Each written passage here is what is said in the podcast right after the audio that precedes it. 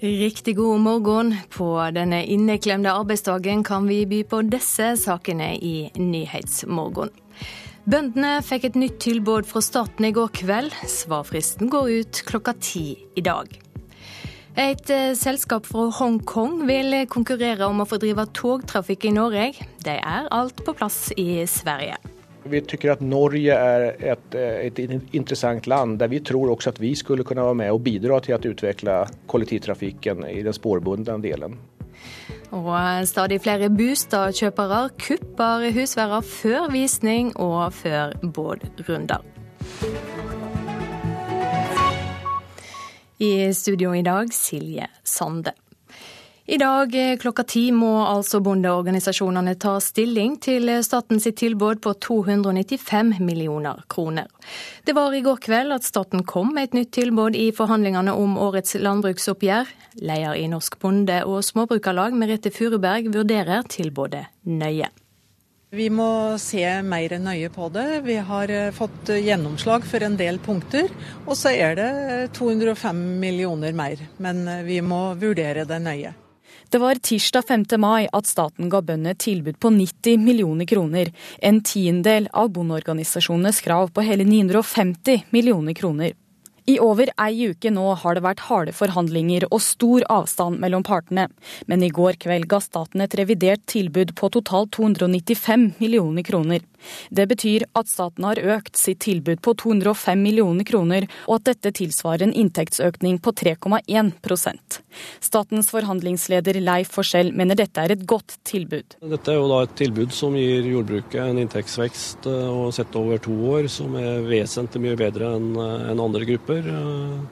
12 eh, inntektsvekst fra 2014 til 2016. Det må være et meget, meget bra tilbud. Siden i går kveld har bondeorganisasjonene vurdert statens tilbud, og i dag klokka ti må de svare.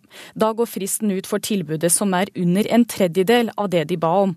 Leder i Bondelaget Lars Petter Bartnes sier at et av de viktigste punktene er å tette inntektsavstanden. Det er jo sånn at uh, Vi har uh, i vårt krav skissert uh, en løsning der at man skal jobbe for å tette inntektsavstand mellom jordbruket og andre grupper. Eh, det har vi jo med oss inn eller videre i forhandlingene, og vi må ta vurderinger i forhold til det.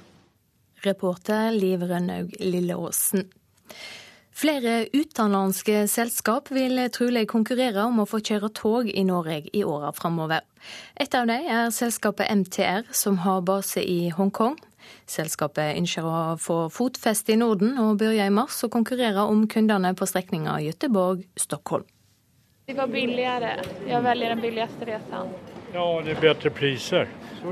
Passasjerene fra Göteborg er framme i Stockholm.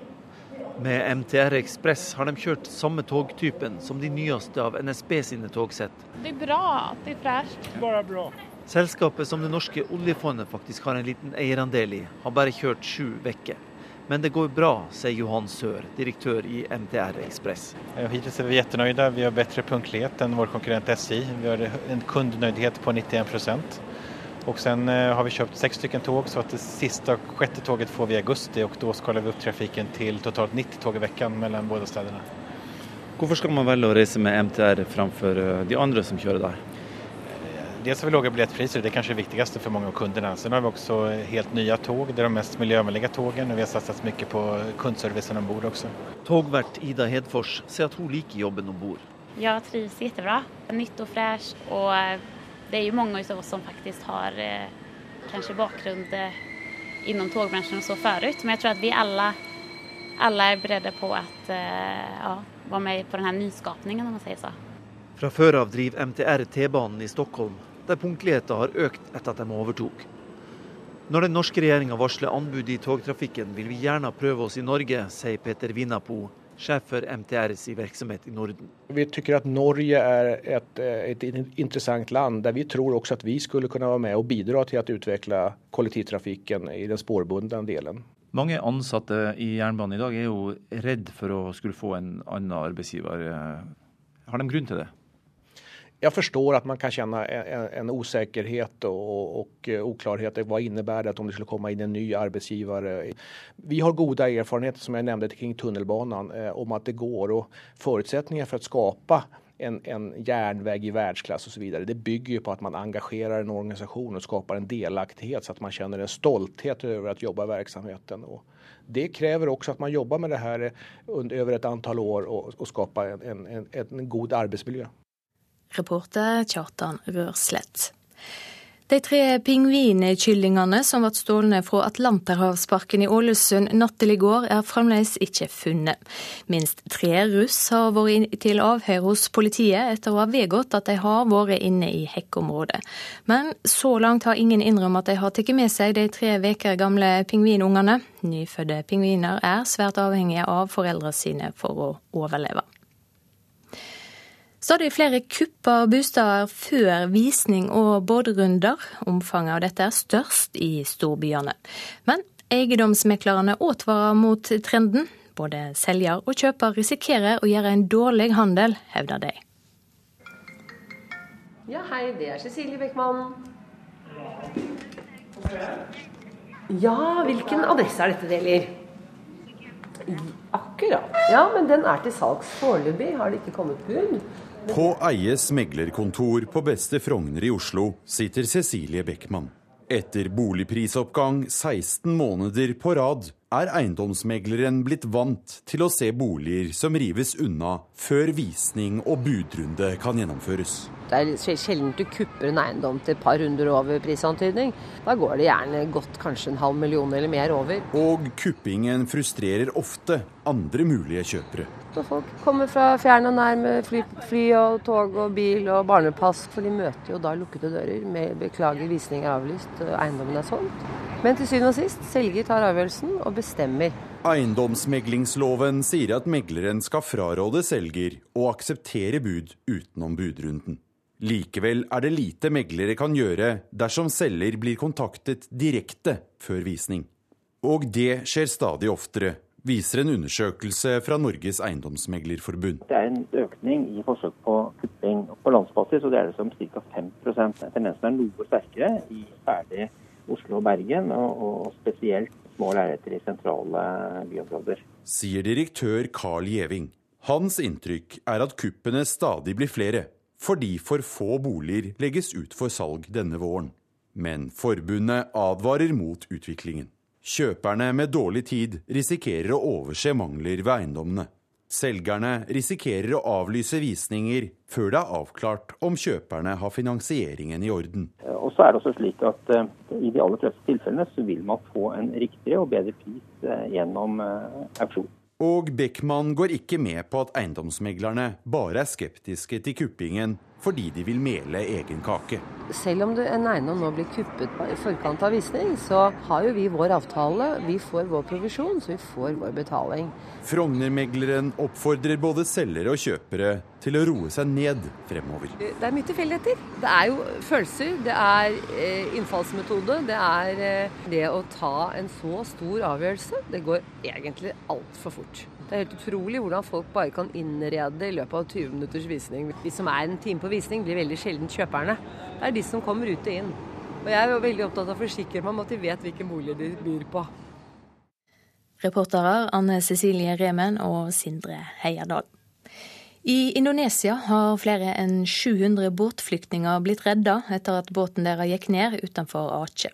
Ifølge indonesisk politi var det malaysisk marine som tvang båten inn i indonesisk farvann. Det var lokale fiskere som oppdaget at båten var i ferd med å gå ned. Samtidig er det flere båter fulle med flyktninger som ikke får komme i land, korkje i Indonesia eller Malaysia. De fleste av dem kommer fra Myanmar eller Bangladesh, og hører til minoriteten rohingya. Venstre mener Norge bør bidra like mye som EU-landene når det gjelder båtflyktninger som krysser Middelhavet. EU-kommisjonen vil ta imot 20 000 båtflyktninger de neste to åra og fordele dem på medlemslandene. Leder i internasjonalt utvalg i Venstre, Rebekka Borch, vil at Norge skal ta sin del. Ja, Norge er jo del av eh, Europa, og Norge er del av Schengen-avtalen. Så jeg mener at vi også bør bli med i et sånt felles europeisk kvotesystem for flyktninger. Kalde etter å ha ligget i vannet i timevis, ble de berget i land på den italienske øya Lampedusa. De mange rapportene fra Middelhavet skremmer. EU-ledelsen vil derfor gå nye veier for å bekjempe tragedien. Helt konkret vil EU lage et kvotesystem der landene bidrar etter evne. Det skal settes av rundt 418 millioner norske kroner for å fordele flyktningene rundt om i Europa. Tyskland, Østerrike og Italia har så langt tatt den største belastningen, men som EU-kommisjonens president Jean-Claude Juncker sier, ingen land skal stå alene om å løse et så stort migrasjonspress. Motstanden i EU er likevel stor, og land som Storbritannia, Irland og Danmark blir ikke med på ordningen. Her hjemme sier europaminister Vidar Helgesen fra Høyre at det nå er viktig med felles europeiske løsninger.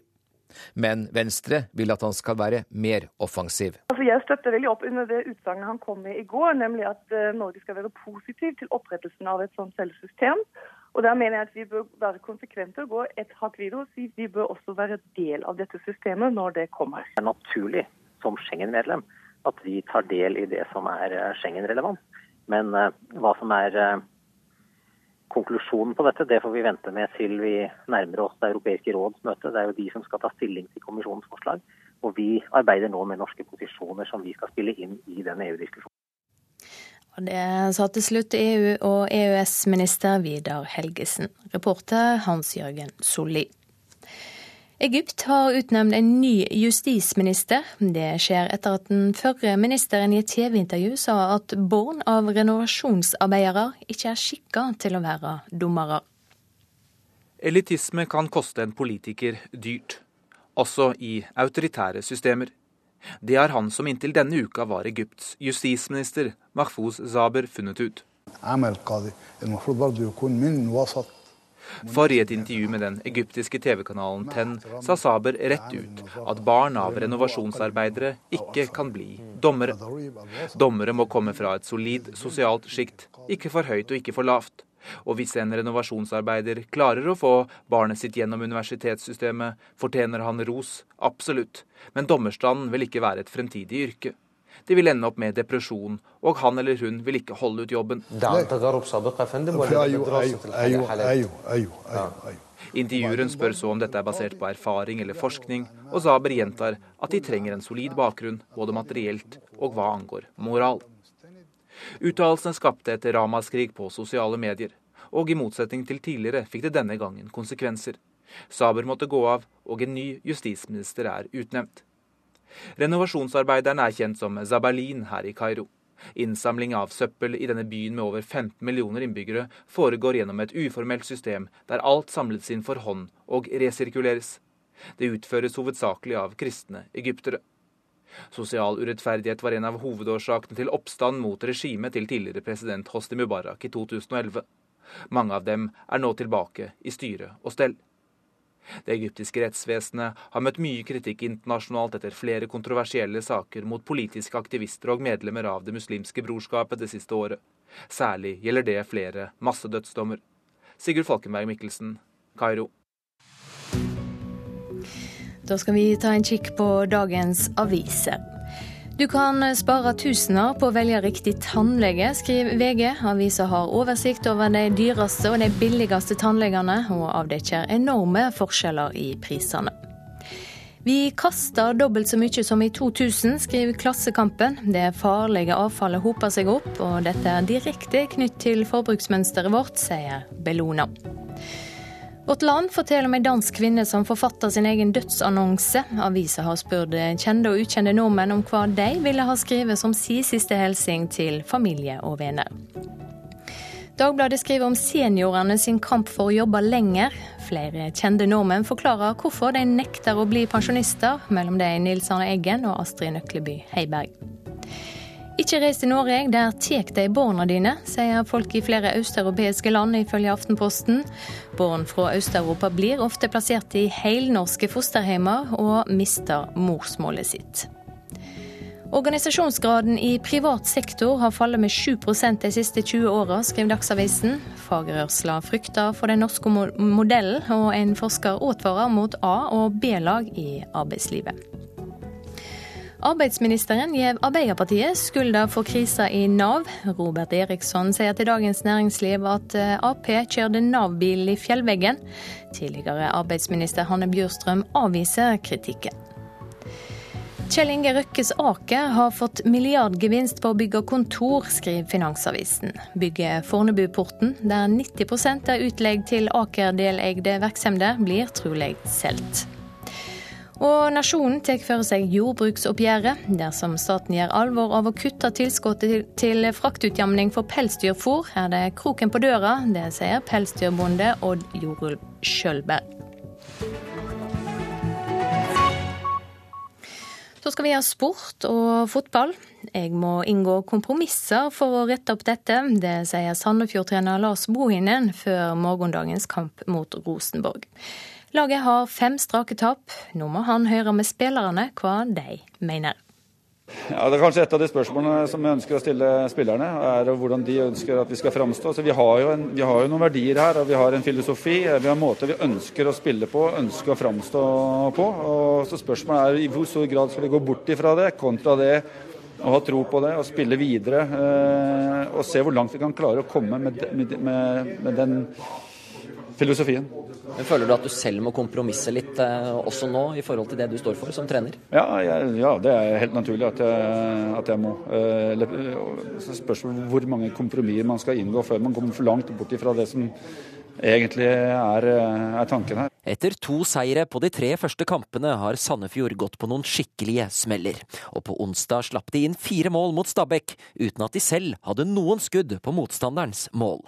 Da er selvtilliten tynnslitt. Den er, vi er sårbare, det er klart det. Eh, det er kun resultater som kommer til å gi oss eh, selvtillit. Nå har de bare Tromsø og Bodø-Glimt bak seg på tabellen. I morgen venter serieleder Rosenborg på Lerkendal på fotballens festdag 16. mai. Da henter Bohinen inspirasjon fra et annet nyopprykket lag. Ja, Om Mjøndalen klarer å slå Rosenborg og Lillestrøm klarer å slå Molde, altså vi, det vil alltid være muligheter. Vi, vi gir ikke opp på ingen måte. Vi skal gå dit opp med med tro og håp og, og være samla. Eh, og så skal vi gi alt det vi kan, selvfølgelig. Men det er klart at akkurat nå så blåser det ganske hardt eh, rett, i, rett forfra. Reporter Christian Nilsen. Du hører på Nyhetsmorgen i NRK P2 og Alltid nyheter. Klokka er nå 6.47.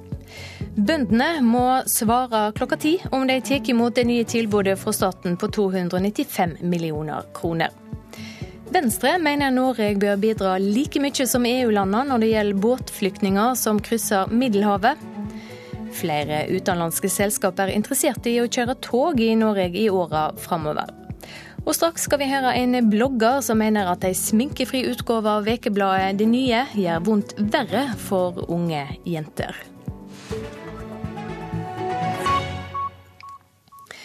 Stadig mer tryggingsutstyr på nye biler fører til færre lakk- og karosseriskader. Nyere biler har så mange sensorer og kamera at folk ikke krasjer så ofte som før. Det har fått eh, omsetninga til å gå ned, sier daglig leder Tor Øystein Olsen hos Agder Bilskade i Kristiansand. Bilene blir bedre og bedre. Du kan bare trykke på en knapp nå, så parkerer bilen for deg. Eh, kommer du for nærme bilen foran, så bremser det radaret framme i fronten sånn at han bremser ned. Og så er det disse perforerte kantene i, i midtbanen og på sidene. Kommer hjulene ut forbi der og bilen begynner å vibrere, så trekker den seg automatisk inn eh, i veibanen igjen. Mange sånne nye tekniske detaljer gjør at det blir mindre og mindre skader.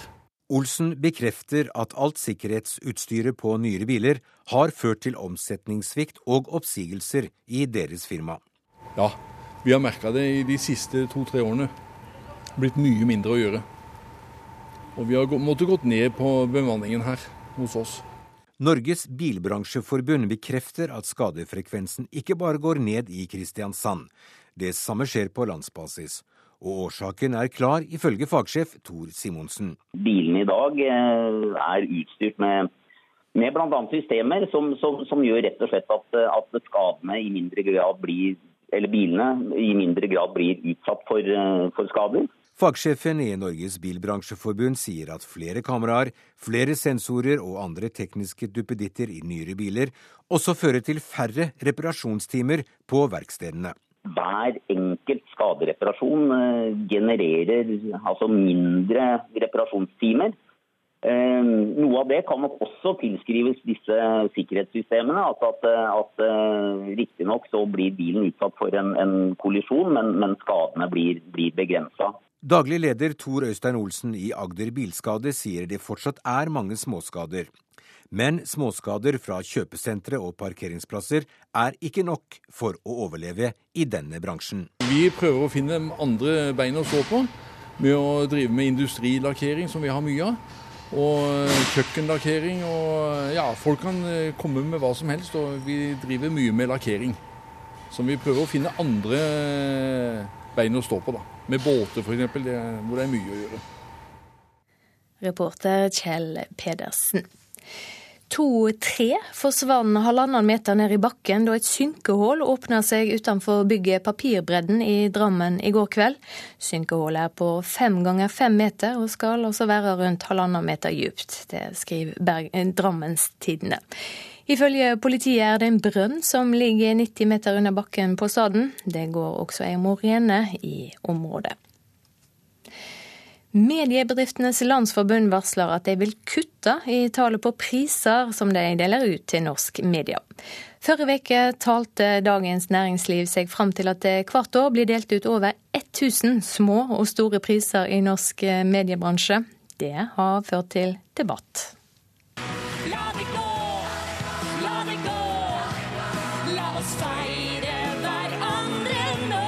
Høg og lav i norsk TV-bransje solte seg i sin egen glans under utdelinga av Gullruteprisene i Bergen førre helg. 22 priser ble delt ut i ulike kategorier, men det er bare en brøkdel av alle medieprisene som ble delt ut i norsk mediebransje årlig. Dagens Næringsliv hadde forrige lørdag talt seg fram til rundt 1000 priser, noe som har fått kritikere til å hevde at media er for sjølsentrerte. Bransjen må ta tak i dette og, og, og sjøl gjøre noe med det. Sa sjefredaktør i Dagbladet Jon Arne Markussen i Kulturnytt på mandag. Nå tar Mediebedriftenes Landsforbund, MBL, han på ordet og varsler kutt i tallet på priser. Eh, vi prøver eh, år for år å kutte ned på priser. I, eh, I, år har vi kuttet med to, og vi skal videre nedover. Det sier Trine Rolfsrud, informasjonsansvarlig i MBL. Årets nyskapning på magasinfronten er Aftenposten-historie. Under mediedagene i Bergen i sist veke delte også de ut 22 priser. Neste år blir det færre. Vi må se på totaliteten i det og, og hvordan vi innretter det, men uh, vi skal nok uh, ned under 20 i hvert fall. Men andre aktører i bransjen vil ikke kutte prisene de står bak. Norsk Journalistlag deler ut priser i lokallag over hele landet. Disse skal bestå, sier leder Thomas Spence. Vi har 20 lokallag, og vi behandler de likt. De får et uh, tilskudd, 5000 kroner til en journalistpris og til en fotopris hvert år. Det fører til en faglig sammenkomst, en jury, innsendelse av produkter og masse faglig debatt i utviklingen. Det det jeg på som ubetinget gode. Og det tror vi. Men, men, hvis folk stiller spørsmål, så skal vi godt se gjennom ordningene våre. Men jeg tror i det store og hele at LNOs medlemmer er fornøyd med de prisene de har å fordele blant våre egne. Man må se f.eks. om prisene bidrar til et mangfold, eller om det er de samme som vinner hver gang og hele tiden. For i så fall har vi for mange priser. Sier generalsekretær i Norsk Presseforbund, Kjersti Løken Stavrum. Men heller ikke hun vil kutte i egne priser. Norsk Presseforbund deler ut én pris i året, og det er den store journalistprisen. Den tror jeg ikke vi kommer til å gjøre noe med. Reporter Lars Ivar Nordahl. Vekebladet Det Nye bommer når de har gjort det nye nummeret sitt sminkefritt. Det mener statsviter og blogger Ingrid Rogstad. Alle bilder i det neste nummeret av bladet er tatt uten eh, sminke. Rogstad mener mange av de nye sine, leser, sine unge lesere sminker seg av helt andre grunner enn det å ta seg bra ut. Det hjelper ikke at det smellvakre damer på nesten 30 som ser ut som modeller og til dels jobber som modeller, står der uten sminke. Statsviter og blogger Ingrid Rogstad har lite til overs for den usminka utgåva av bladet Det Nye. Hun tror det kan gjøre vondt verre for mange av leserne, som er ned mot 15-16 år. Det Nye er kjent som et magasin som retter seg mot en yngre lesegruppe. Og da f.eks. jeg var 16, så brukte ikke jeg sminke for å se pen ut, jeg brukte sminke for å se normal ut. fordi jeg hadde store problemer med huden, og det tror jeg veldig mange unge jenter har. Jeg tror bare ikke at unge jenter kommer til å føle seg bedre ved at de bare får se eh, masse pene damer som ser like fine ut uten sminke. Altså, jeg tror snarere det bidrar til å liksom bringe skam over jenter som faktisk har lyst til å sminke seg før de går ut av døren. Da. Men det vil ikke den nye redaktør Karine Tynes være med på. Du, jeg har, jeg har kjempedårlig hud selv, jeg. Så det er ikke noe tvil om at, at jeg føler meg bedre med sminke. Og ofte så, så, er det også for min del da, at, jeg, at jeg dekker huden litt, og så trenger jeg ikke så mye mer enn det. Jenny Skavlan pryder både framsida og flere sider inne i bladet. Hun sier prosjektet har fått henne til å tenke seg om et cover blant veldig mange andre covere. For det har jeg tenkt litt på i det siste, siden jeg har visst at dette bladet skulle komme. Så ser man litt ekstra på, på måte, hvor jevn huden er, og hvor, hvor utrolig polerte coveret er. Og bare tenke litt over det, sånn at neste gang du kjøper deg et blad, så vet du at den modellen hadde mest sannsynlig et par strekkmerker og en kvise eller to som ble fjerna. Den nye redaktøren lover å ta med seg erfaringene de har gjort, videre. Vi har lenge hatt et prosjekt rundt retusjering og merking av retusjerte bilder.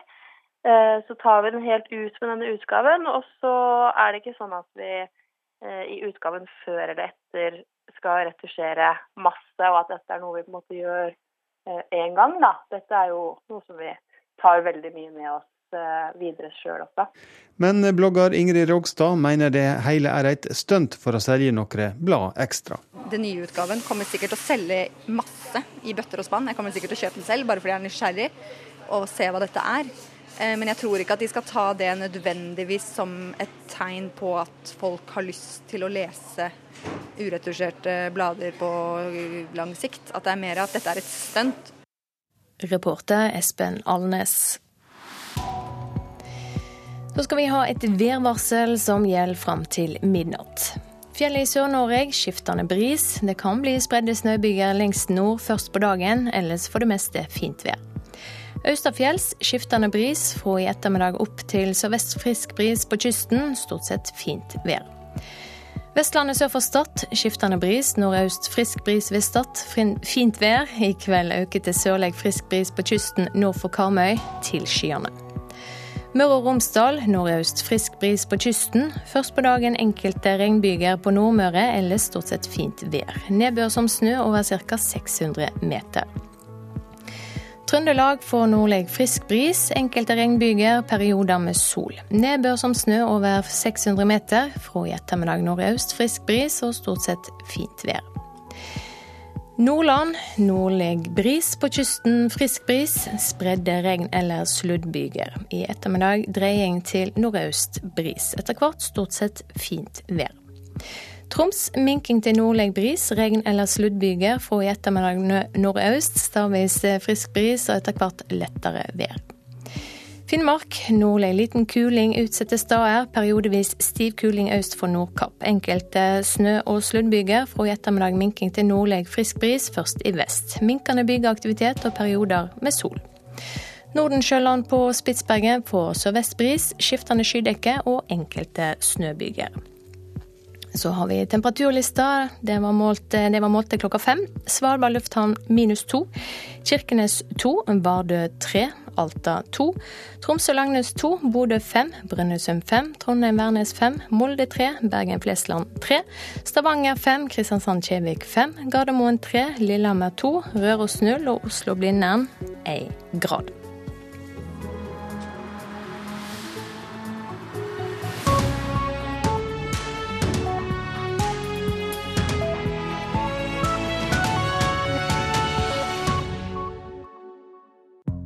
Han bygget opp en formue på tankskip og oljevirksomhet.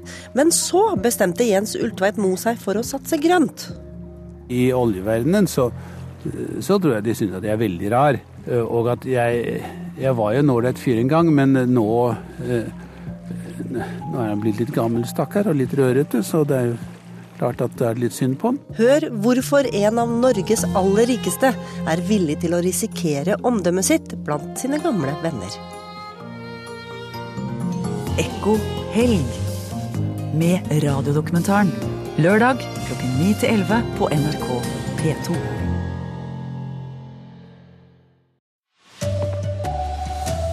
Overgrepsbildet av barn forsvinner inn i den skjulte delen av internett. Bøndene vurderer nøye tilbudet på nesten 300 millioner kroner fra staten i jordbruksoppgjøret. Her er NRK Dagsnytt klokka sju. Bilder og film som viser overgrep mot barn, forsvinner fra det åpne internettet til den skjulte delen av det. Kripos er uroa over at aktiviteten på det såkalte skjulte internettet blir større. Det har vært en, en sterk økning i antall brukere eh, på generell basis. Eh, som forteller oss jo at det er flere brukere som har begynt å benytte seg av den delen av internett. Politioverbetjent Emil Kofod sier Kripos før fanget opp mellom 15 og 18 000 treff på overgrepsmateriale av barn hver dag på det åpne nettet. Nå er derimot det tilsvarende treffene sunket til 2000. Før fant politiet i hovedsak overgrepsbildene og filmene på det åpne nettet.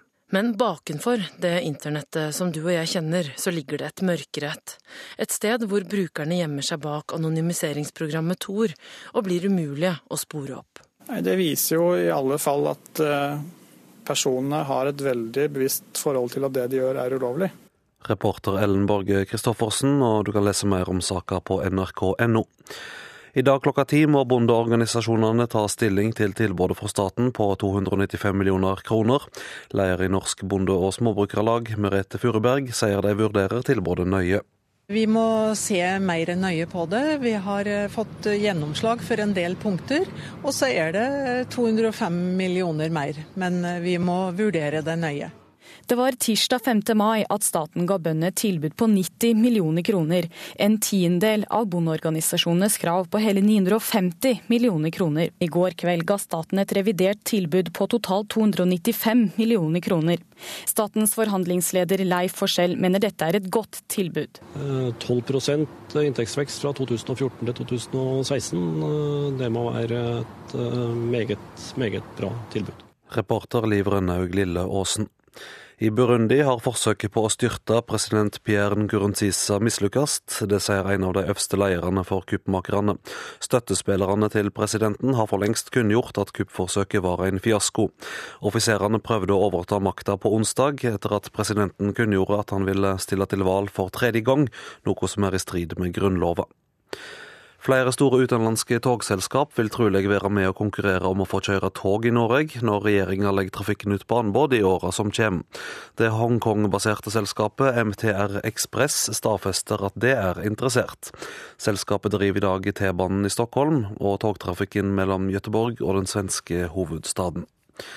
NRK Dagsnytt, Vidar Eidhammer.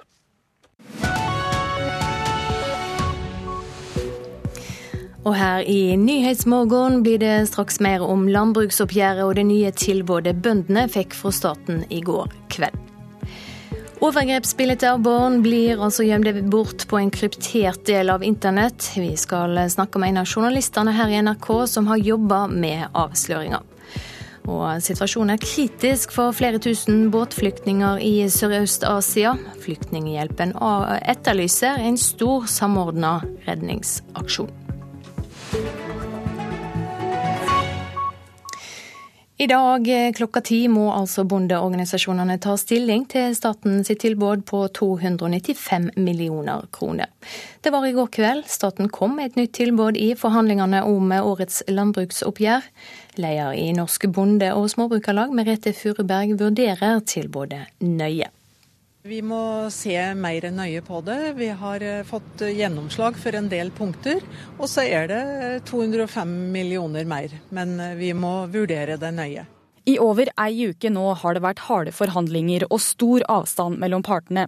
Men i går kveld ga staten et revidert tilbud på totalt 295 millioner kroner. Dette tilsvarer en inntektsøkning på 3,1% Statens forhandlingsleder Leif Forskjell mener dette er et godt tilbud. Dette er jo da et tilbud som gir jordbruket en inntektsvekst eh, og sett over to år som er vesentlig mye bedre enn eh, andre grupper. Eh, det må være et meget, meget bra tilbud. Siden i går kveld har bondeorganisasjonene vurdert statens tilbud, og i dag klokka ti må de svare. Da går fristen ut for tilbudet som er under en tredjedel av det de ba om. Leder i Bondelaget Lars Petter Bartnes sier at et av de viktigste punktene er å tette inntektsavstanden. Det er jo sånn at uh, Vi har uh, i vårt krav skissert uh, en løsning der at man skal jobbe for å tette inntektsavstand mellom jordbruket og andre grupper. Det har vi jo med oss inn eller videre i forhandlingene, og vi må ta vurderinger i forhold til det. Reporter Liv Rønnaug Lilleåsen. Med meg nå politisk kommentator eh, Cato Nyquist i Nasjonen. Staten har altså økt tilbudet sitt til bøndene med 200 millioner kroner. Hvordan eh, vurderer du eh, tilbudet? Ja, Det nye tilbudet er jo et stykke nærmere bøndenes krav, men det er fortsatt betydelig avstand mellom partene. Og det jeg tenker, det er at det, det vil jo fungere som et nytt forhandlingsutgangspunkt for bondeorganisasjonene. De vil forsøke å forhandle det her videre oppover. og og staten må jo åpenbart også ha mer eh, penger å gi. Ja, Betyr det at det kan bli videre forhandlinger i dag, eller må bøndene si endelig ja eller nei klokka ti? Eh, ja, jeg oppfatter ikke det her som et take it or leave it-tilbud. Eh, hvis, hvis, det hadde blitt brudd nå klokka ti, så, så, er det jo det her nye tilbudet som ville gått videre til Stortinget. Så, så, og Det betyr at landbruket ikke har noe å tape på å ta et brudd på det her Eh, på denne skissen, eh, men de vil forsøke å forhandle, eh, forhandle seg videre oppover. Men det at staten offentliggjør et revidert tilbud er jo litt spesielt. Hvorfor gjør de det? Ja, det, for å si det sånn, Vi som følger det her tett, ble jo tatt litt på senga i går av det her. Det er et meget uvanlig grep. Jeg tenker at det er frykten for hva som ville ha skjedd i Stortinget som ligger bak. Det er jo sånn at Hvis det blir et brudd i jordbruksforhandlingene, så er det vanligvis eh, statens åpningstilbud som blir oversendt til Stortinget. Og eh, hvis eh, eh det her opprinnelige tilbudet er så dårlig at det ikke ville overleve i Stortinget, så, så eh, ville regjeringa påført seg eh, bråk og, og trøbbel med, med sine støttepartier sånn som de gjorde i fjor. Ja, for i fjor så plussa Stortinget på 250 millioner kroner, og, og, og overkjørte med det landbruksministeren. Betyr dette at det ikke vil skje i år? Eh, ja, det blir i hvert fall, eh, det er i hvert fall en helt ny situasjon. Altså, eh, det opprinnelige tilbudet som ble lagt fram 5. mai, ville høyst sannsynlig ikke overlevd Stortingets behandling. Blant annet så var det, lå det inne et forslag om å halvere antallet eh, melkekvoteregioner. Eh, et, et, eh, forslag som, som, var helt klart at ikke har støtte blant Stortingets flertall. Nå er det punktet borte, i tillegg til at det er lagt på noe mer penger. Så, så det, det, her nye tilbudet har en større sjanse til å, til å gå gjennom Stortinget. Hva betyr dette oppgjøret for norsk landbruk? Ja, det er ja, Alle jordbruksoppgjør er viktig for, for landbruket, selvsagt. Eh, og holdt jeg på det, nå er jo interessen for eh, jordbrukspolitikk eh, betydelig større enn tidligere.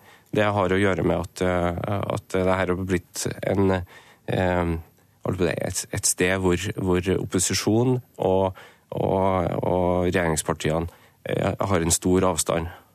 Eh, så at her er blitt et frontavsnitt da, i, i, norsk politikk. Takk skal du ha for at du var med, politisk kommentator Cato Nyquist i Nasjonen. Og du kan finne mer om dette på nrk.no. Bilder og filmer med overgrep mot barn på internett forsvinner fra det åpne nettet til en kryptert og bortgjemt del av nettet. For ti år siden fanga politiet opp om lag 15 000 til 18 000 treff på det åpne nettet hver dag. Nå er treffa gått ned til 2000. Politioverbetjente Emil Kofod jobber med dette i Kripos. De ser nå at aktiviteten stiger på de skjulte foruma, der det er bortimot umulig å spore brukerne. Det har vært en, en sterk økning i antall brukere eh, på generell basis. Eh, som forteller oss jo at det er flere brukere som har begynt å benytte seg av den delen av internett. Herlig med et skandinavisk forum, jeg liker jenter mellom 7 og 13, skriver en av deltakerne på Skandiland, et skjult nettverk for skandinaviske pedofile som er gjemt på den mørke delen av internettet. En annen forteller at han tenner på små gutter i strømpebukser. Kanskje ikke nytt i seg selv, men før fant politiet i hovedsak overgrepsbildene og filmene på det åpne nettet. Men bakenfor det internettet som du og jeg kjenner, så ligger det et mørkere et. Sted hvor brukerne gjemmer seg bak anonymiseringsprogrammet Tor og blir umulige å spore opp. Det viser jo i alle fall at uh, personene har et veldig bevisst forhold til at det de gjør er ulovlig. Politioverbetjent Emil Kofod sier Kripos før fanget opp mellom 15 og 18 000 treff på overgrepsmateriale av barn hver dag på det åpne nettet. Nå er derimot det tilsvarende treffene sunket til 2000. Vi antar jo at de aller fleste brukerne som kanskje var, brukte web tidligere, eh, har trolig flytta seg til andre arenaer. Eh, F.eks. fildeling. Hva vet dere om utviklinga i aktivitet som flytter seg til det mørke nettet, altså til den delen av nettet som ikke er åpent? Ja, Generelt så finnes det jo flere som du kaller mørke nett. Eh, men vi ser jo på at de mest populære at det har vært en, en sterk økning i antall brukere. Stiftelsen bak Tor-nettverket sier til NRK at systemet brukes av mange med gode formål som må skjule seg. Det kan f.eks. være menneskerettighetsaktivister eller politiske flyktninger. De mener kun litt av trafikken er folk med onde hensikter.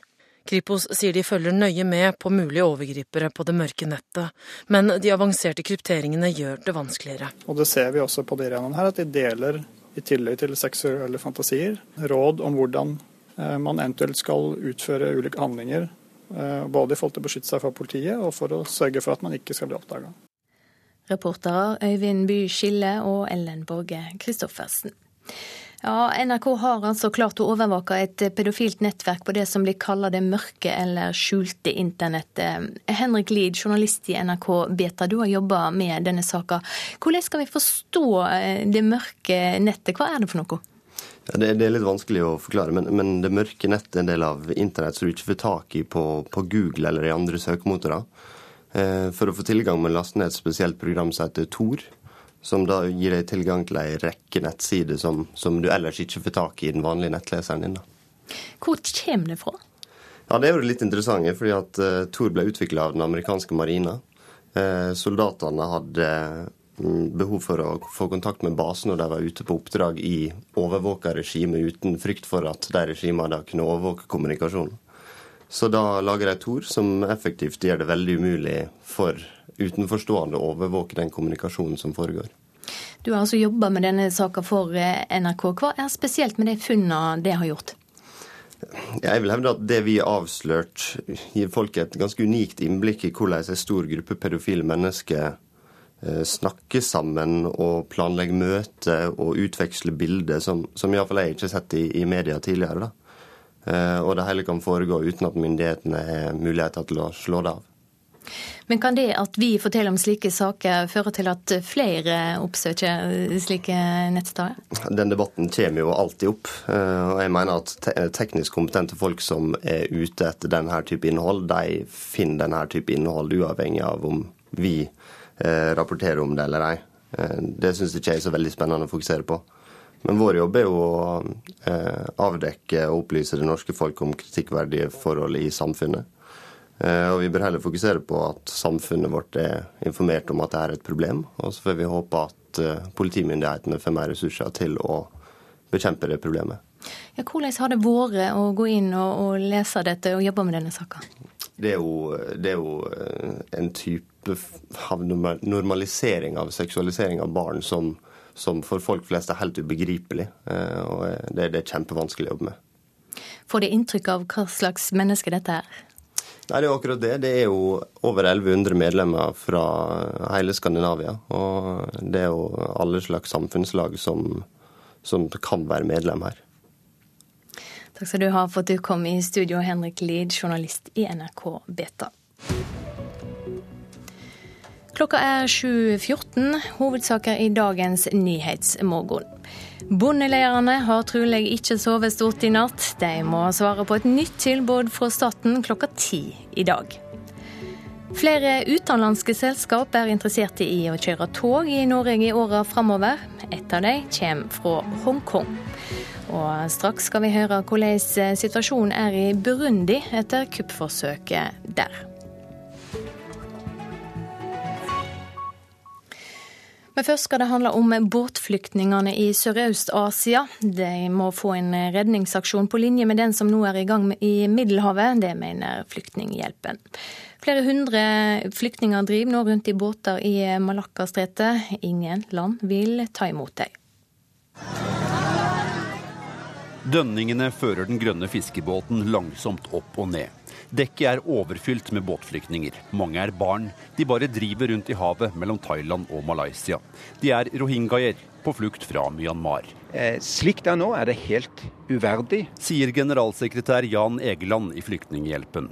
I motsetning til båtflyktningene i Middelhavet blir folk i Malakastredet ikke plukket opp. Som en pingpongball blir båtflyktninger sendt mellom Thailand, Malaysia og Indonesia. Sånn kan vi ikke ha det. Heldigvis er det nå i gang en redningsoperasjon av eh, tilstrekkelige dimensjoner, håper vi, i Middelhavet. En tilsvarende operasjon må nå settes i gang i Malaccastredet. Ifølge FN er det nå rundt 8000 båtflyktninger i området. Noen driver rundt, andre har fortsatt en motor som virker. Denne uken har både Indonesia og Malaysia avvist flyktningbåter og sendt dem ut på havet igjen. Etter det jeg forstår, og det som skjer nå, så er dette i strid med folkeretten, og ergo er det ikke lov. Sier flyktningrettsekspert Vigdis Vevstad. Ifølge henne er loven klar.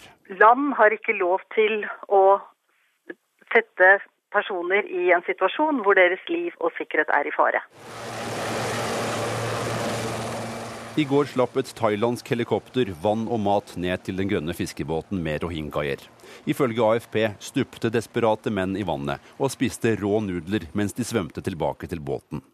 Samtidig ber FNs generalsekretær landene i Sørøst-Asia om å ikke stenge grensene sine.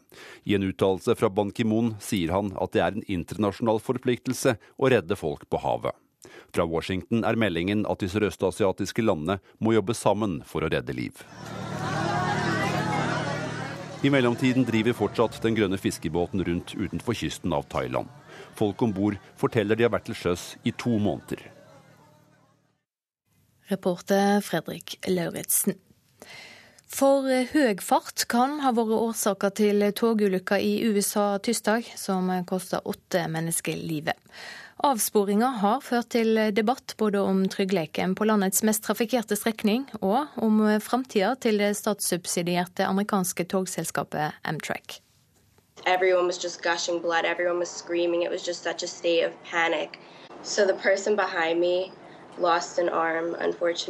Mange blødde kraftig, og hun som satt bak meg mistet dessverre en arm, forteller Gabby Ruby. Hun satt i den bakerste vogna i toget på vei hjem fra studiene i Washington DC da toget sporet av tirsdag kveld. Hadde hun sittet i stillevogna lengst fram, kunne det ha gått adskillig verre. I går kveld fant redningshunder en åttende omkommet person i vrakrestene utenfor Philadelphia. Alle spør seg om hvordan ulykken kunne skje. Og det foreløpige svaret er at toget holdt altfor høy hastighet inn i en krapp sving.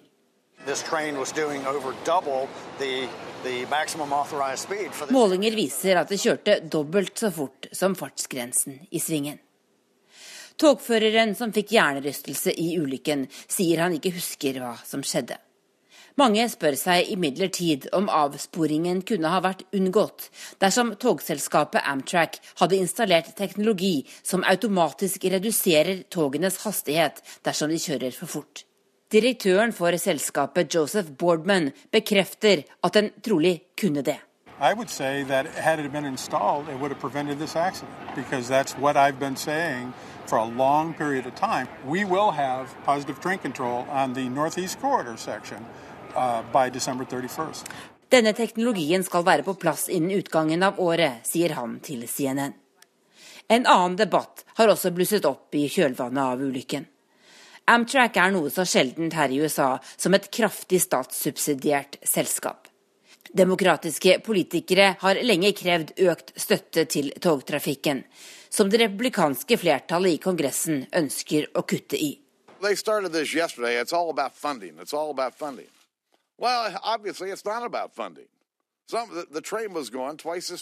Toget kjørte for fort, så dette handler ikke om penger, sier leder i Representantenes hus, John Bainer.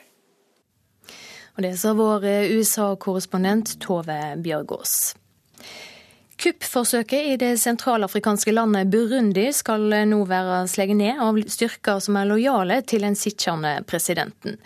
Det var i forgårs at flere høytstående offiserer hevda at de hadde tatt makta i landet. Og um, korrespondent Sverre Tom Radøy, kilder nær presidenten sa allerede i går at kuppforsøket var mislykka. Likevel helt kampene fram. Hvordan kan vi være sikre på denne siste meldinga? Vi sa vel allerede for to dager siden at uh, kuppforsøket nærmest var en spøk. Men så var det altså blodig alvor. Det er mange som er drept i denne konflikten. Vi vet jo selvfølgelig ikke helt 100 sikkert om, eh, om eh, presidenten verken er tilbake eller om sluttmakerne har lagt ned våpnene. Men det ser jo veldig slik ut. Presidenten sendte en Twitter-melding om at han var tilbake i landet. Han ble jo hindret i å lande på kuppmakerne hadde stengt flyplassen. Men BBC og Reuters og alle anerkjente presseorganisasjoner og nyhetsbyråer sier dette her nå, så vi får vel stole på det.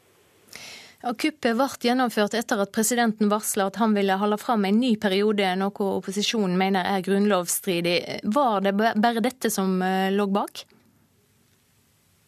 Ja, vi får jo tro at eh, det ikke bare er et konstitusjonelt spørsmål. og Det folk i gatene som demonstrerte fra, det var jo at denne mannen, eh, som vi anser som forholdsvis kuriøs, han er nyfrelst av en norsk pastor, jogging og leder Olivia fotballklubb etc at han ikke har gjort jobben sin. Altså, Vi har å gjøre med et utfattig land, et land han har styrt i ti år, og ikke klart å få opp eh, av statistikken for de aller aller fattigste land i verden. Samtidig som han har vært ganske beinhard mot uh, opposisjonen, med fengslinger og lite raus med pressefrihet.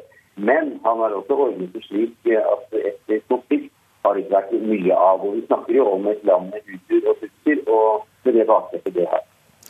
Takk skal du ha for at du var med, korrespondent eh, Sverre Tom Radøy. Vi beklager ei litt eh, dårlig telefonlinje. Og Nå kommer det meldinger på byrået nett nå om at eh, kupplederne i Burundi har eh, overgitt seg. Det melder nyhetsbyrået AFP. Da skal vi ta en kikk på dagens aviser. Du kan spare tusener på å velge riktig tannlege. Det skriver VG. Avisa har oversikt over de dyreste og de billigste tannlegene, og avdekker enorme forskjeller i prisene. Vi kaster dobbelt så mye som i 2000, skriver Klassekampen. Det farlige avfallet hoper seg opp, og dette er direkte knytt til forbruksmønsteret vårt, sier Bellona. Vårt Land forteller om ei dansk kvinne som forfatter sin egen dødsannonse. Avisa har spurt kjente og ukjente nordmenn om hva de ville ha skrevet som en siste hilsen til familie og venner. Dagbladet skriver om seniorene sin kamp for å jobbe lenger. Flere kjente nordmenn forklarer hvorfor de nekter å bli pensjonister, mellom dem Nils Arne Eggen og Astrid Nøkleby Heiberg. Ikke reis til Norge, der tek de barna dine, sier folk i flere østeuropeiske land, ifølge Aftenposten. Barn fra Øst-Europa blir ofte plasserte i heilnorske fosterhjemmer av barnevernet, og mister morsmålet sitt.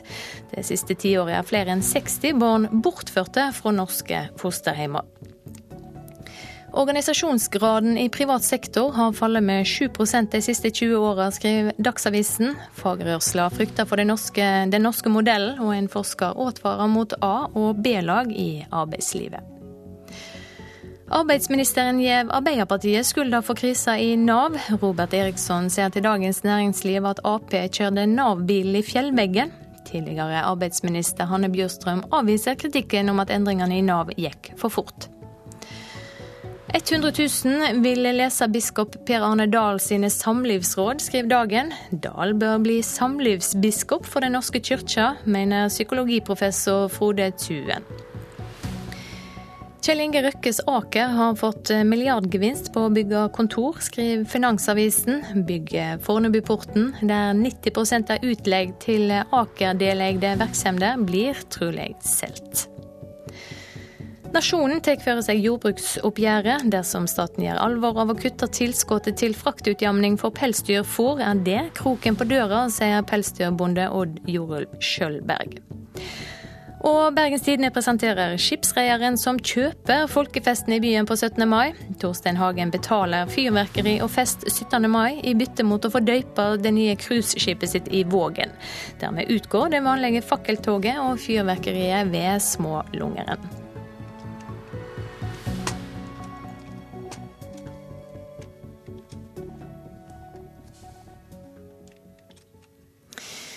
Så skal vi høre at eh, Trygg Trafikk kritiserer en reklamekampanje for elsykler. Kampanjen, scooter, eh, kampanjen tilrår scooterlignende elsykler til tolv år gamle barn. Syklene det er snakk om kan ved enkle grep kjøre i 30 km i timen uten at syklisten trenger å trø på pedalene. Du, det går ganske stille, da. Ja, det gjør det. Det bråker ikke, liksom. Ja. Og nå er vi ute og kjører. Altså, i, Hvor fort kjører vi nå? Eh, nå kjørte vi 25 km. Ja. Og det bråker altså ingenting. Nei. 15 år gamle Julie Strand Karlsen og jeg er ute på ungdommens nye favorittleketøy og fremkomstmiddel. En elsykkel nærmest kliss lik en vanlig mopedscooter. Men den regnes som en sykkel, og dermed er det sykkelregler som gjelder. Dette til tross for at den ved et enkelt lite klikk kan kjøre i 30 km i timen, helt uten tråkkehjelp fra føreren. Jeg syns det er eh, uheldig. Det sier Brita Straume i Trygg Trafikk. Hun har lenge advart mot sykkelen og frykter ulykker. Nå er hun oppgitt over en reklamekampanje som retter seg mot unge ned i 12 års alder. Anbefalt fra 12 til 14 år og oppover, står det i annonsen fra dekkspesialisten som forhandler et av merkene kalt Scootypuff. De er ikke modne for det, rett og slett. Hvordan opplever dere disse Scootypuff-syklene? Ja, Det er en trussel for trafikksikkerheten. Vi får mange henvendelser, eh, særlig etter eh, konfirmasjonssøndagene eh, på våren og høsten. Fordi de er stillegående, og, og veldig mange barn i villaområder leker ute i gatene. Og disse kommer veldig plutselig på. Og, og de som sitter på, de tenker ikke på konsekvensen av de handlingene de driver med. Burde det vært en aldersgrense for bruk av disse?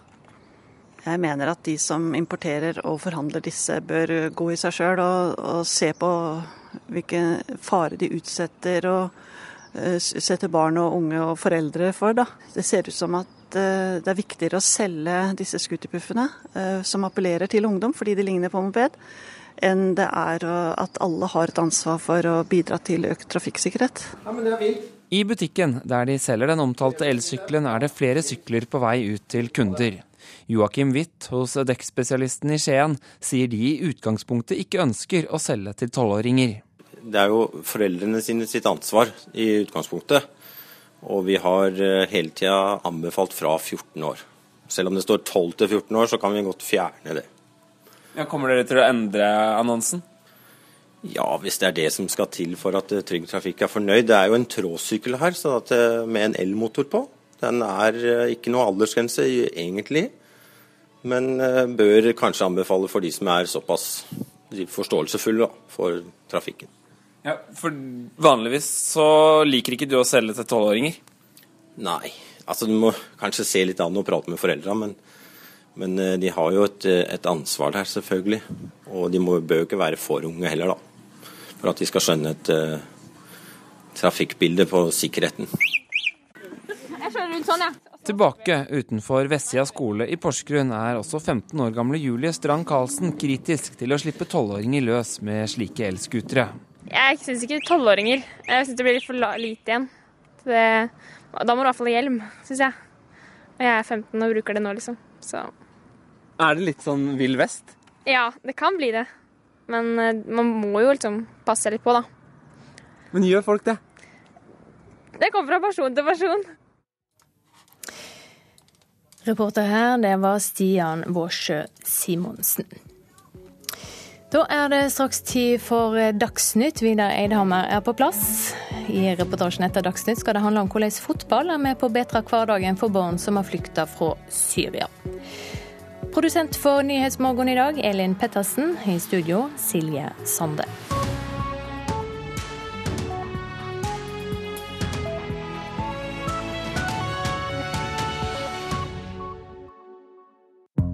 Han bygget opp en formue på tankskip og oljevirksomhet. Men så bestemte Jens Ulltveit Moe seg for å satse grønt. I oljeverdenen så, så tror jeg de syns at jeg er veldig rar. Og at jeg, jeg var jo en ålreit fyr en gang, men nå Nå er han blitt litt gammel, stakkar, og litt rørete, så det er jo klart at det er litt synd på han. Hør hvorfor en av Norges aller rikeste er villig til å risikere omdømmet sitt blant sine gamle venner. Ekko helg med radiodokumentaren. Lørdag klokken 9 til 11 på NRK P2.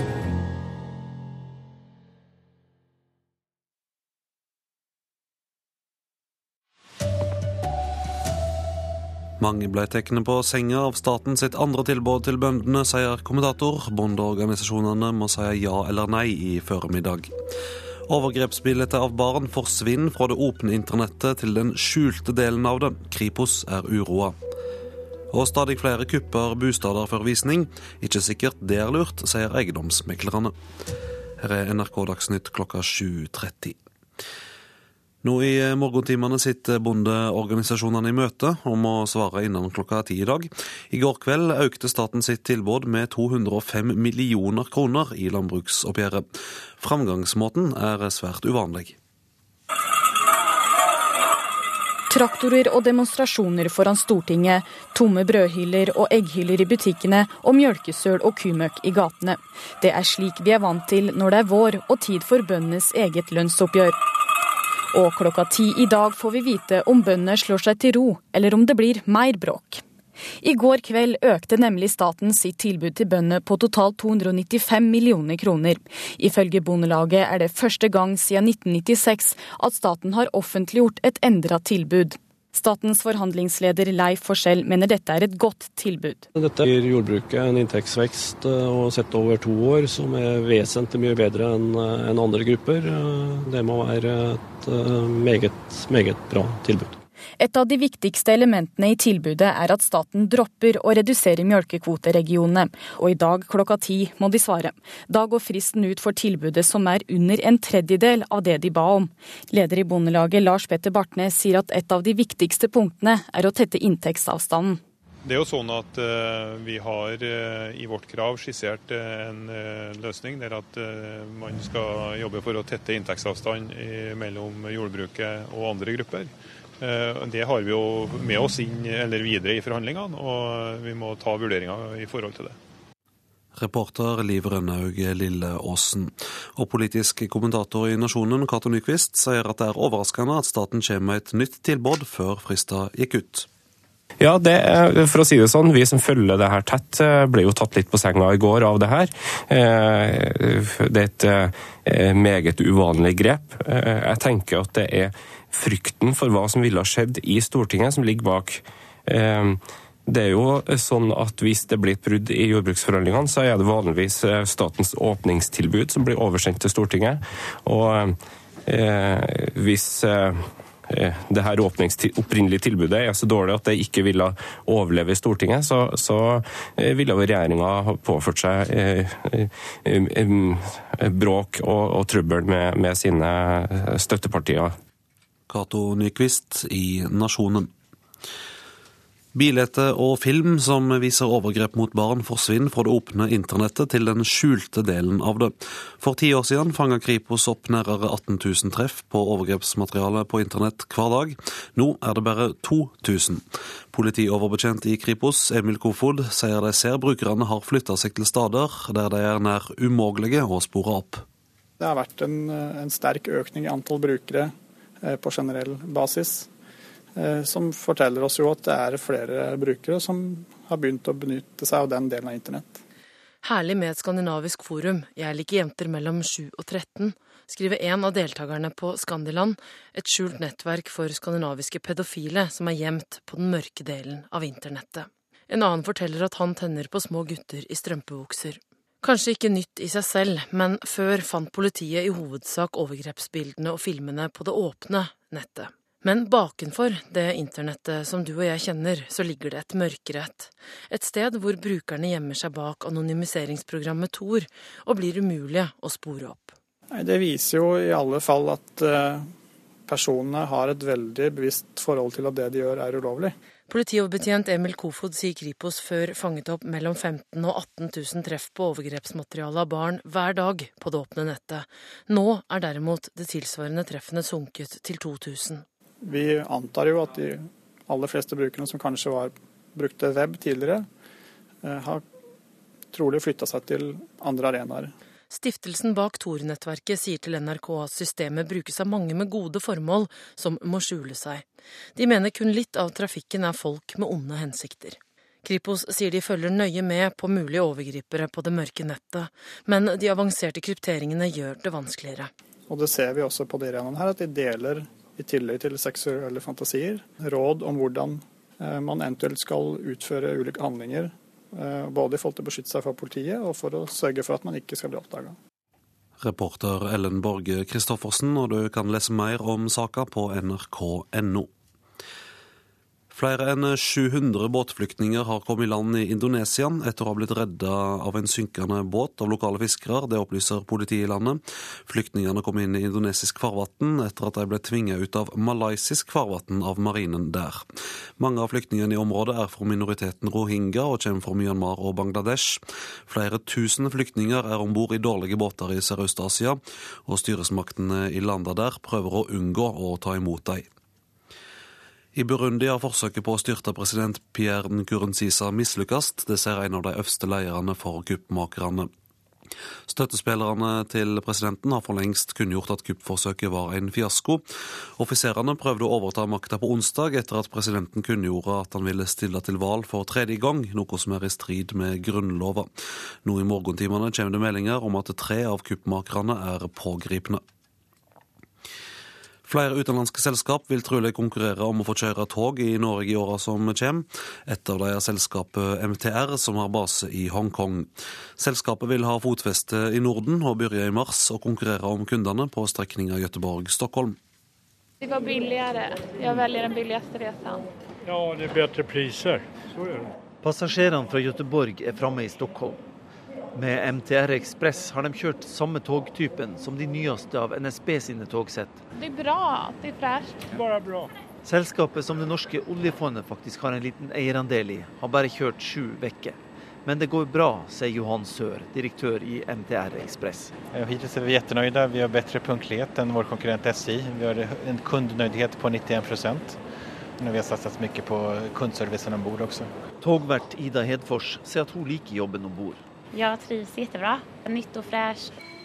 Alla är beredda på att eh, ja, vara med på den här nyskapningen om man säger så. Fra før av driver MTR T-banen i Stockholm, der punktligheten har økt etter at de overtok. Når den norske regjeringa varsler anbud i togtrafikken, vil vi gjerne prøve oss i Norge, sier Peter Vinnapo, sjef for MTRs virksomhet i Norden. Vi tycker at Norge er et, et interessant land, der vi tror også at vi skulle kunne være med og bidra til å utvikle kollektivtrafikken i den spårbundne delen. Reporter Kjartan Rørslett, og det blir mer om jernbane i Politisk kvarter i P2 klokka kvart på åtte.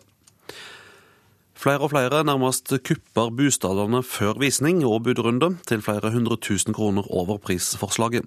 Folk har fått altfor dårlig tid når de kjøper bostad, advarer eiendomsmeklerne. Ja, hei, det er Cecilie Beckmann. Akkurat. Ja, men den er til salgs foreløpig. Har det ikke kommet bud? På Eies meglerkontor på Beste Frogner i Oslo sitter Cecilie Beckmann. Etter boligprisoppgang 16 måneder på rad er eiendomsmegleren blitt vant til å se boliger som rives unna før visning og budrunde kan gjennomføres. Da går det gjerne godt kanskje en halv million eller mer over. Og kuppingen frustrerer ofte andre mulige kjøpere. Så folk kommer fra fjern og nær med fly og tog og bil og barnepass, for de møter jo da lukkede dører med 'beklager, visning er avlyst, eiendommen er solgt'. Men til syvende og sist, selger tar avgjørelsen og bestemmer. Og det skjer stadig oftere, viser en undersøkelse fra Norges eiendomsmeglerforbund. Det er en økning i forsøk på kupping på landsbasis, og det er det som ca. 5% Sier direktør Carl Gjeving. Hans inntrykk er at kuppene stadig blir flere, fordi for få boliger legges ut for salg denne våren. Det er mye tilfeldigheter. Det er jo følelser, det er innfallsmetode. Det er det å ta en så stor avgjørelse. Det går egentlig altfor fort. Reportere Anne Cecilie Remen og Sindre Heierdal.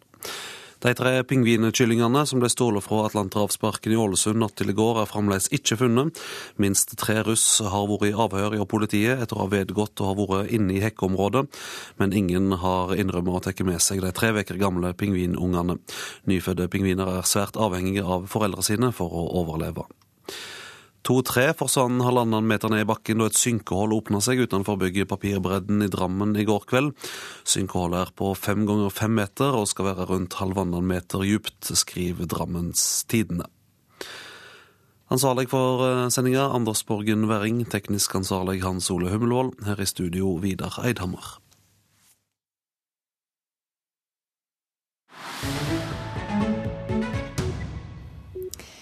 Flyktningleiren Satari i Jordan er en av de største i verden. Der bor det 85 000 mennesker som har flyktet over grensa fra Syria.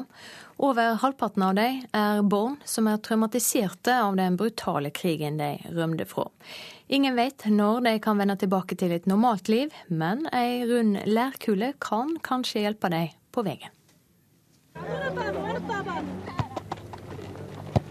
Et lyspunkt i den ellers så trøstesløse flyktningleiren Satari i Jordan, bare halvannen mil fra Syria. En gjeng med entusiastiske jenter sparker fotball. Her er det ingen gressbane, men støvete grus. Men det har ikke noe å si for spillegleden til jentene som har capsen godt plantet opp på hijaben for å skjerme mot ørkensola. 13 år gamle Hiba spilte ikke fotball før, men en dag oppdaget hun tilfeldigvis fotballbanene som ligger i utkanten av flyktningleiren Satari. Etter at jeg hadde sett noen spille, så fikk jeg lyst til å være med selv, og nå er jeg her hver dag. Det ble etter hvert dannet mange lag og en liga. Det er gøy når vi spiller mot hverandre, sier hun. Banen hun spiller på heter forresten Norway Football Field. Det er Fotballforbundet og norske myndigheter som har finansiert den. Gøy er nøkkelordet. Latter og glede som har erstattet redselsskrikene og frykten fra borgerkrigen i hjemlandet. Fotball er terapi, rett og slett. من مواد الحرب واللي بتصير هاي قاعدة بسوريا والتفجيرات jeg kan glemme krigen, bombeangrepene, rakettene og barna som er blitt drept i Syria. Det gjør det lettere å leve, sier Hiba, veslevoksent.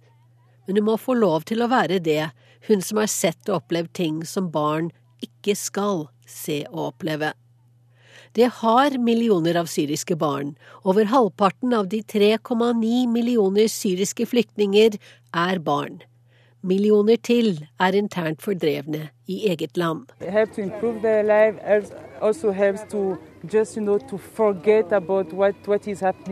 De må forbedre sine liv og forsøke å glemme det som skjer i Syria. Fotballen hjelper til med det, og det gir barna selvtillit, sier Karin Koyei til nyhetsbyrået Reuters. Hun er prosjektkoordinator for det asiatiske fotballutviklingsprosjektet i Satari-leiren.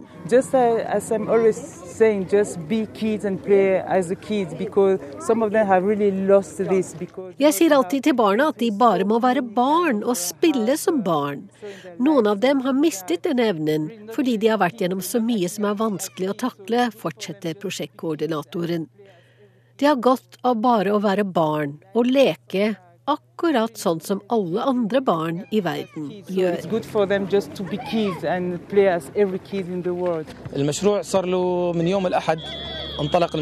Emad al-Shabi er trener for noen av guttelagene. Han skulle ønske seg noe bedre standard på selve banen, men har fått løfter om at den snart blir utbedret takket være internasjonale bidrag.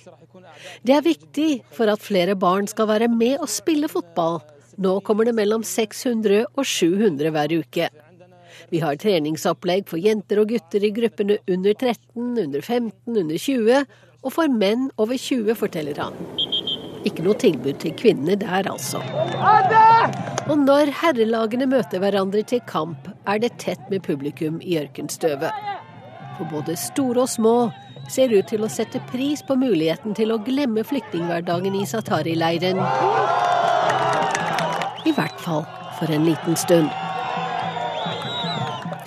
Reporter her, Wenche Eriksen. Bøndene fikk et nytt tilbud fra staten i går kveld. Svarfristen går ut klokka ti i dag. Tilbudet blir vurdert svært nøye, sier bondeorganisasjonene. Flere utenlandske selskap er interessert i å kjøre tog i Norge i åra framover. Et av dem kommer fra Hongkong. Stadig flere boligkjøpere kupper husværet før visning og båtrunder. Ikke sikkert det er så lurt, sier eiendomsmeklerne. Situasjonen er kritisk på flere tusen båtflyktninger i Sørøst-Asia. Flyktninghjelpen etterlyser en stor samordna redningsaksjon. Det er straks klart for Politisk kvarter. Programlederen der er Håvard Grønli.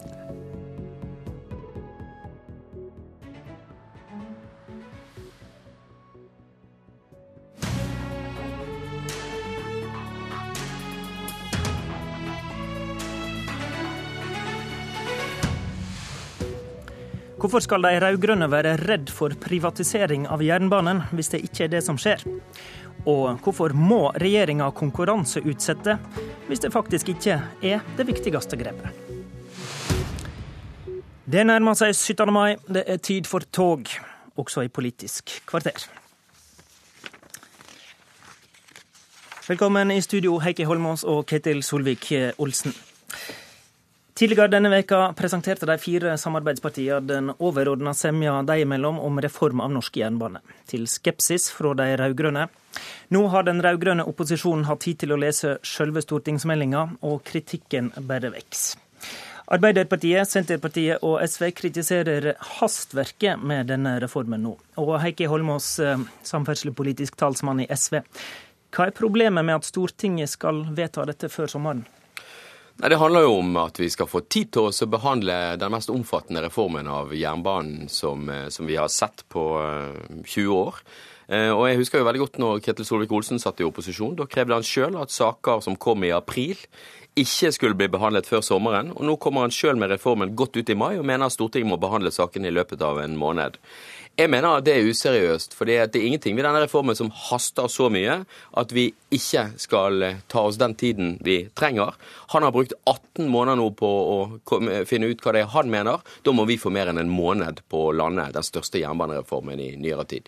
Ketil Solvik-Olsen, du sier sjøl at dette er en stor og viktig reform. Bør ikke Stortinget få mer enn fem uker på seg? Det er en stor og viktig reform. Det betyr mye for å skape en bedre jernbane for framtida. Jeg eh, konstaterer at eh, transportkomiteens flertall mener at de fem ukene er mer enn nok til å ha både høring og gjennomgå meldingen og framlegge den for Stortinget og for endelig votering. De sier de skal få til dette på en god måte. Det at de rød-grønne partiene som ikke ønsker reform, som eh, ikke gjorde noe for å få en reform mens de selv styrte, at de er imot og protesterer på alle mulige måter, det overrasker meg ikke. Så er det riktig at jeg, når jeg satt som opposisjonspolitiker i Stortinget, av og til påpekte at ting kom vel seint. Det handla mer om at det var et volum av saker som var problem, mer enn det handla om tida i seg sjøl. Jeg minner om at samme dag som vi nå la fram jernbanereformen, så la vi òg fram eh, revidert statsbudsjett. Det skal vi behandle. Det syns ikke folk er problematisk tidsmessig.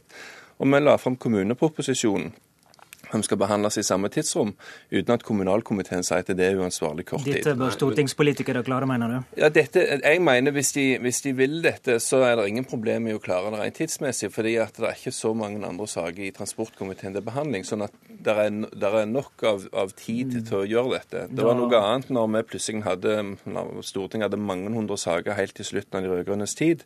Da lemper de over masse saker uten at det ble tid til behandling. Da er dette kanskje et vikarierende argument, Holmås? Nei, det er det ikke. og Ketil Solvik-Olsen har sittet lenge nok på Stortinget til å vite at han nå snakker mot bedre vitende. Han vet utmerket godt at revidert nasjonalbudsjett og kommuneproposisjonen er de to sakene man får anledning til å levere så seint til Stortinget og få behandlet før sommeren. Resten pålegger Stortinget seg normalt å si at nei, vi skal ha det i løpet av april for å få det behandlet. Så det at, det at Ketil Solvik-Olsen allerede nå har skaffet seg et flertall på forhånd for denne jernbanereformen, er ikke noe argument for at man skal overkjøre det som er normal kutyme i Stortinget, nemlig at vi bruker skikkelig tid på store saker. Det er riktig at Stortinget setter et tidspunkt. De sier at hvis dere vil være garantert å få behandle den før sommeren, så må dere levere den senest da og da. Og det var i slutten av april. Men transportkomiteen har gjort en selvstendig vurdering i forhold til hva arbeidsmengde de har i sin komité, og sagt at dette skal de klare. Og Jeg vil òg minne om at så seint som i går så fikk jeg et skriftlig spørsmål fra en Arbeiderpartipolitiker som etterlyste nok en sak som han mente han måtte få raskt til transportkomiteen for at de skulle få behandle den før sommeren. Det er jo litt rart at Arbeiderpartiet mener at de kan få andre nye saker som vi ennå ikke har fremma, og få behandla de før sommeren. Mens akkurat jernbanereformen, nei, den saken den kan de ikke behandle før sommeren. Det er den største jernbanereformen som er foreslått. Hvis dette var noe som var så viktig for deg å få gjennomført, hvorfor i all verden leverte du den ikke for en måned siden istedenfor å overkjøre opposisjonen? Det ligner ikke det som er vanlig og som er skikkelig hvis du skal få seriøs behandling. Konkurranseutsetting vil uansett ikke bli aktuelt før i 2017, skriver du sjøl.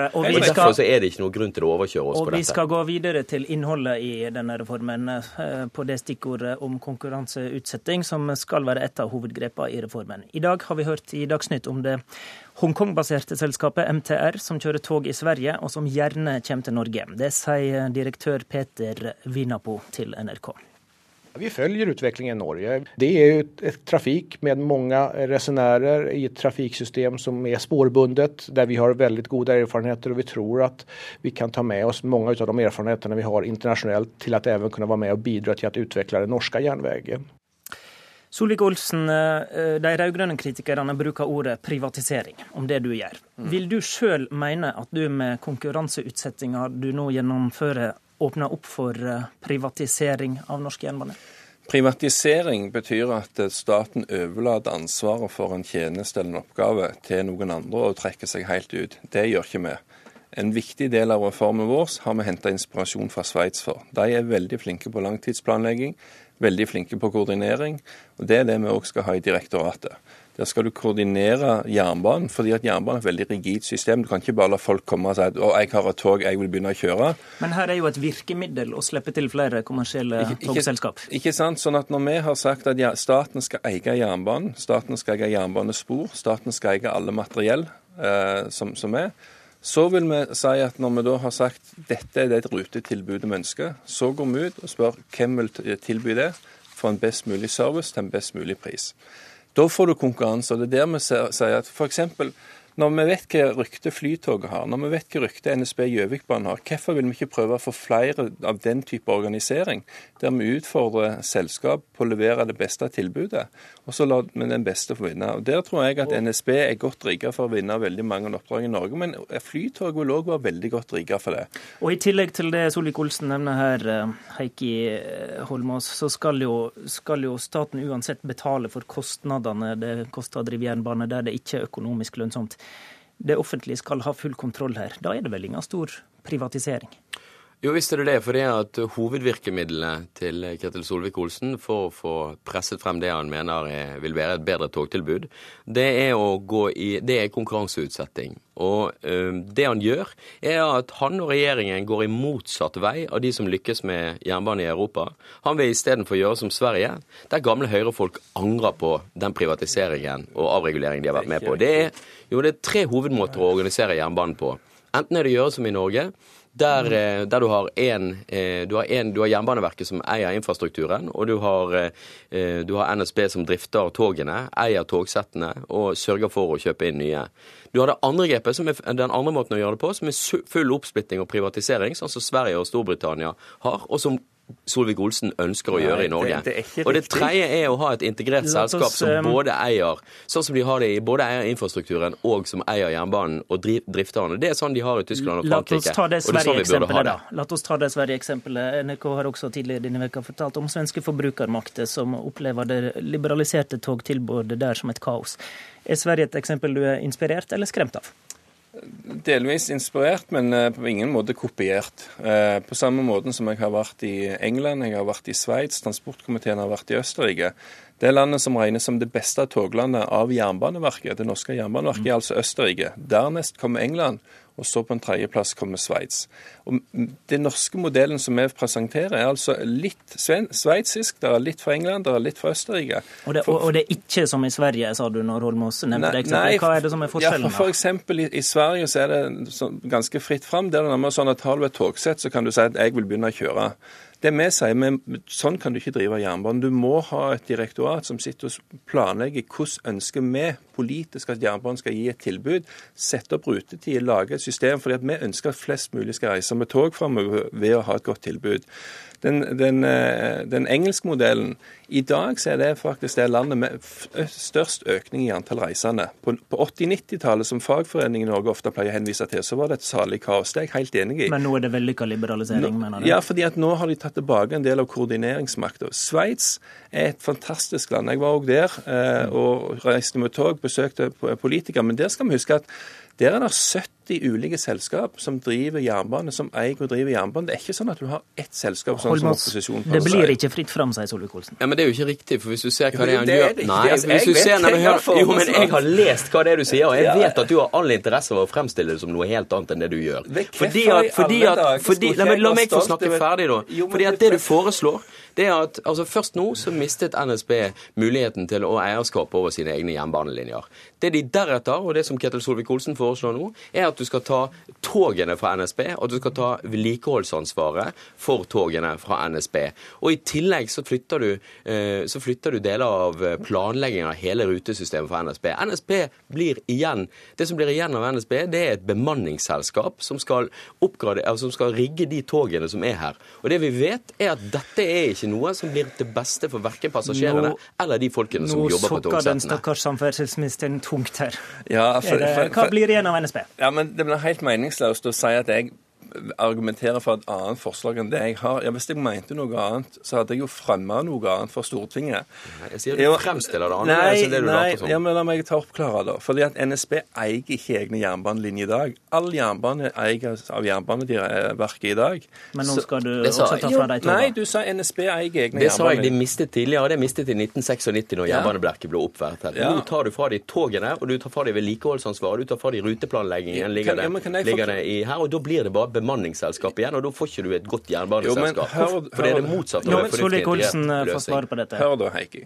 Vi har sagt at staten skal eie jernbanelinjene. Det er ikke privatisering, det er fortsatt statlig eierskap. Staten skal vedlikeholde jernbanen, jernbanen som forfalt under de rød-grønne, som vi har gjort at nå begynner å vedlikeholde, sånn at forfallet reduseres. Så er det ikke sånn at vi privatiserer noen jernbanevogner, men vi sier vi vil ha én en enhet som drifter og eier alle jernbanevognene i Norge. Fordi at du har Flytoget. Det er en aktør som ikke NSB har kontroll på. NSB Gjøvikbanen er et eget selskap. Og så har du NSB, og så har du alle godsselskapene som driver i Norge. Så vi overfører altså ansvar for, for uh, materiellet til ett selskap, for vi tror at det vil bli bedre enn å ha det oppsplitta sånn som det du sier. Og Så ønsker vi å samle ansvaret for jernbanelinjene og, jernbanestasjonene i ett selskap. I dag er det oppsplitta i to selskap. Og Så sier du at å, stakkars NSB mister ruteplanlegging. Nei, men det er jo Jernbaneverket som sitter og har mye kontroll. Så har NSB òg en del på dette. Og det sier vi Istedenfor at vi skal ha det splitta på to steder, så samler vi det ett sted i et jernbanedirektorat. For da får du faktisk større kontroll på jernbanen, og ikke sånn som du har i dag. Holmans Flytog er jo nærmest omfavna som en nasjonalskatt av dere rød-grønne i diskusjonen om statlig eierskap for tida. Hvorfor er det så farlig om disse to ulike selskapene skal konkurrere? da? Altså, men det er jo ikke det som er tilfellet. Dere rapporterer jo selv at det er internasjonale krefter som ønsker å, å, komme inn på det norske markedet og delta i konkurransen. Og Det de skal delta om konkurransen på, det er å bemanne de togene som, eh, som, som de statlig eide togene. Og erfaringene fra Sverige er bl.a. at det vi vet at de kutter på, det de kutter på når de, når de skifter eh, logoen på disse togene fordi andre kommer inn, det er at de kutter på pensjonsvilkårene for folk, de kutter på bemanningen, de kutter på renholdet. Og det er altså sånn at den gamle moderate Lederen fra, eh, fra Sverige gjennom, eh, gjennom, flere år. Selv, og som, tidligere, som er styreleder, i svenske eh, jernbanen, han sier veldig klart at erfaringene våre er at det er avreguleringen som har, som har skylden for det togkaoset som er i Sverige. Og det er negativ, den utviklingen vi har sett. Men heldigvis så, så fremmer ikke vi den svenske modellen. Vi fremmer en norsk modell der du har et stort element av det som Sveits har gjort, nemlig med stille krav, lage sentrale ruteplaner, lage sentrale krav som de må dekke. Som jeg nevnte, i Sverige så er det nesten sånn at har du et togsett, så får du være med å konkurrere. Og det er fylkene som ofte har ansvaret for å kjøpe togtjenester. Vi sier at dette skal være et statlig koordinert opplegg i Norge. Så du argumenterer altså mot en reform som vi ikke har fremmet. Nei, jeg argumenterer nei, mot den reformen som ble, du har fremmet. Nei, nei, det er jo ikke den du argumenterer mot i et studio her, i hvert fall. Fordi at vi har altså gjort vi har ikke gjort de feilene som svenskene gjorde, og som du er bekymra over. Vi har lært av det, og så har vi sett hvordan de gjør det i Sveits. Men i Sveits så har altså hvert fylke nærmest eierskap til tog, toglinjer som går gjennom sitt fylke. Det syns ikke jeg er en, en, en hensiktsmessig måte. Derfor har ikke vi tatt den delen av den sveitsiske modellen. Denne, denne helga går det iallfall bare norske tog, muligens med et svensk korps eh, her og der. Dagens store politiske sak blir jordbruksoppgjøret. Bondeorganisasjonene var inviterte til Politisk kvarter, men takka nei. De sitter i møte nå i morgentimene og gjør de siste vurderingene av det reviderte tilbudet de fikk fra staten i går kveld. Klokka ti møter organisasjonene i regjeringskvartalet for å si ja eller nei. Følg med på NRK, i studio Håvard Grønli.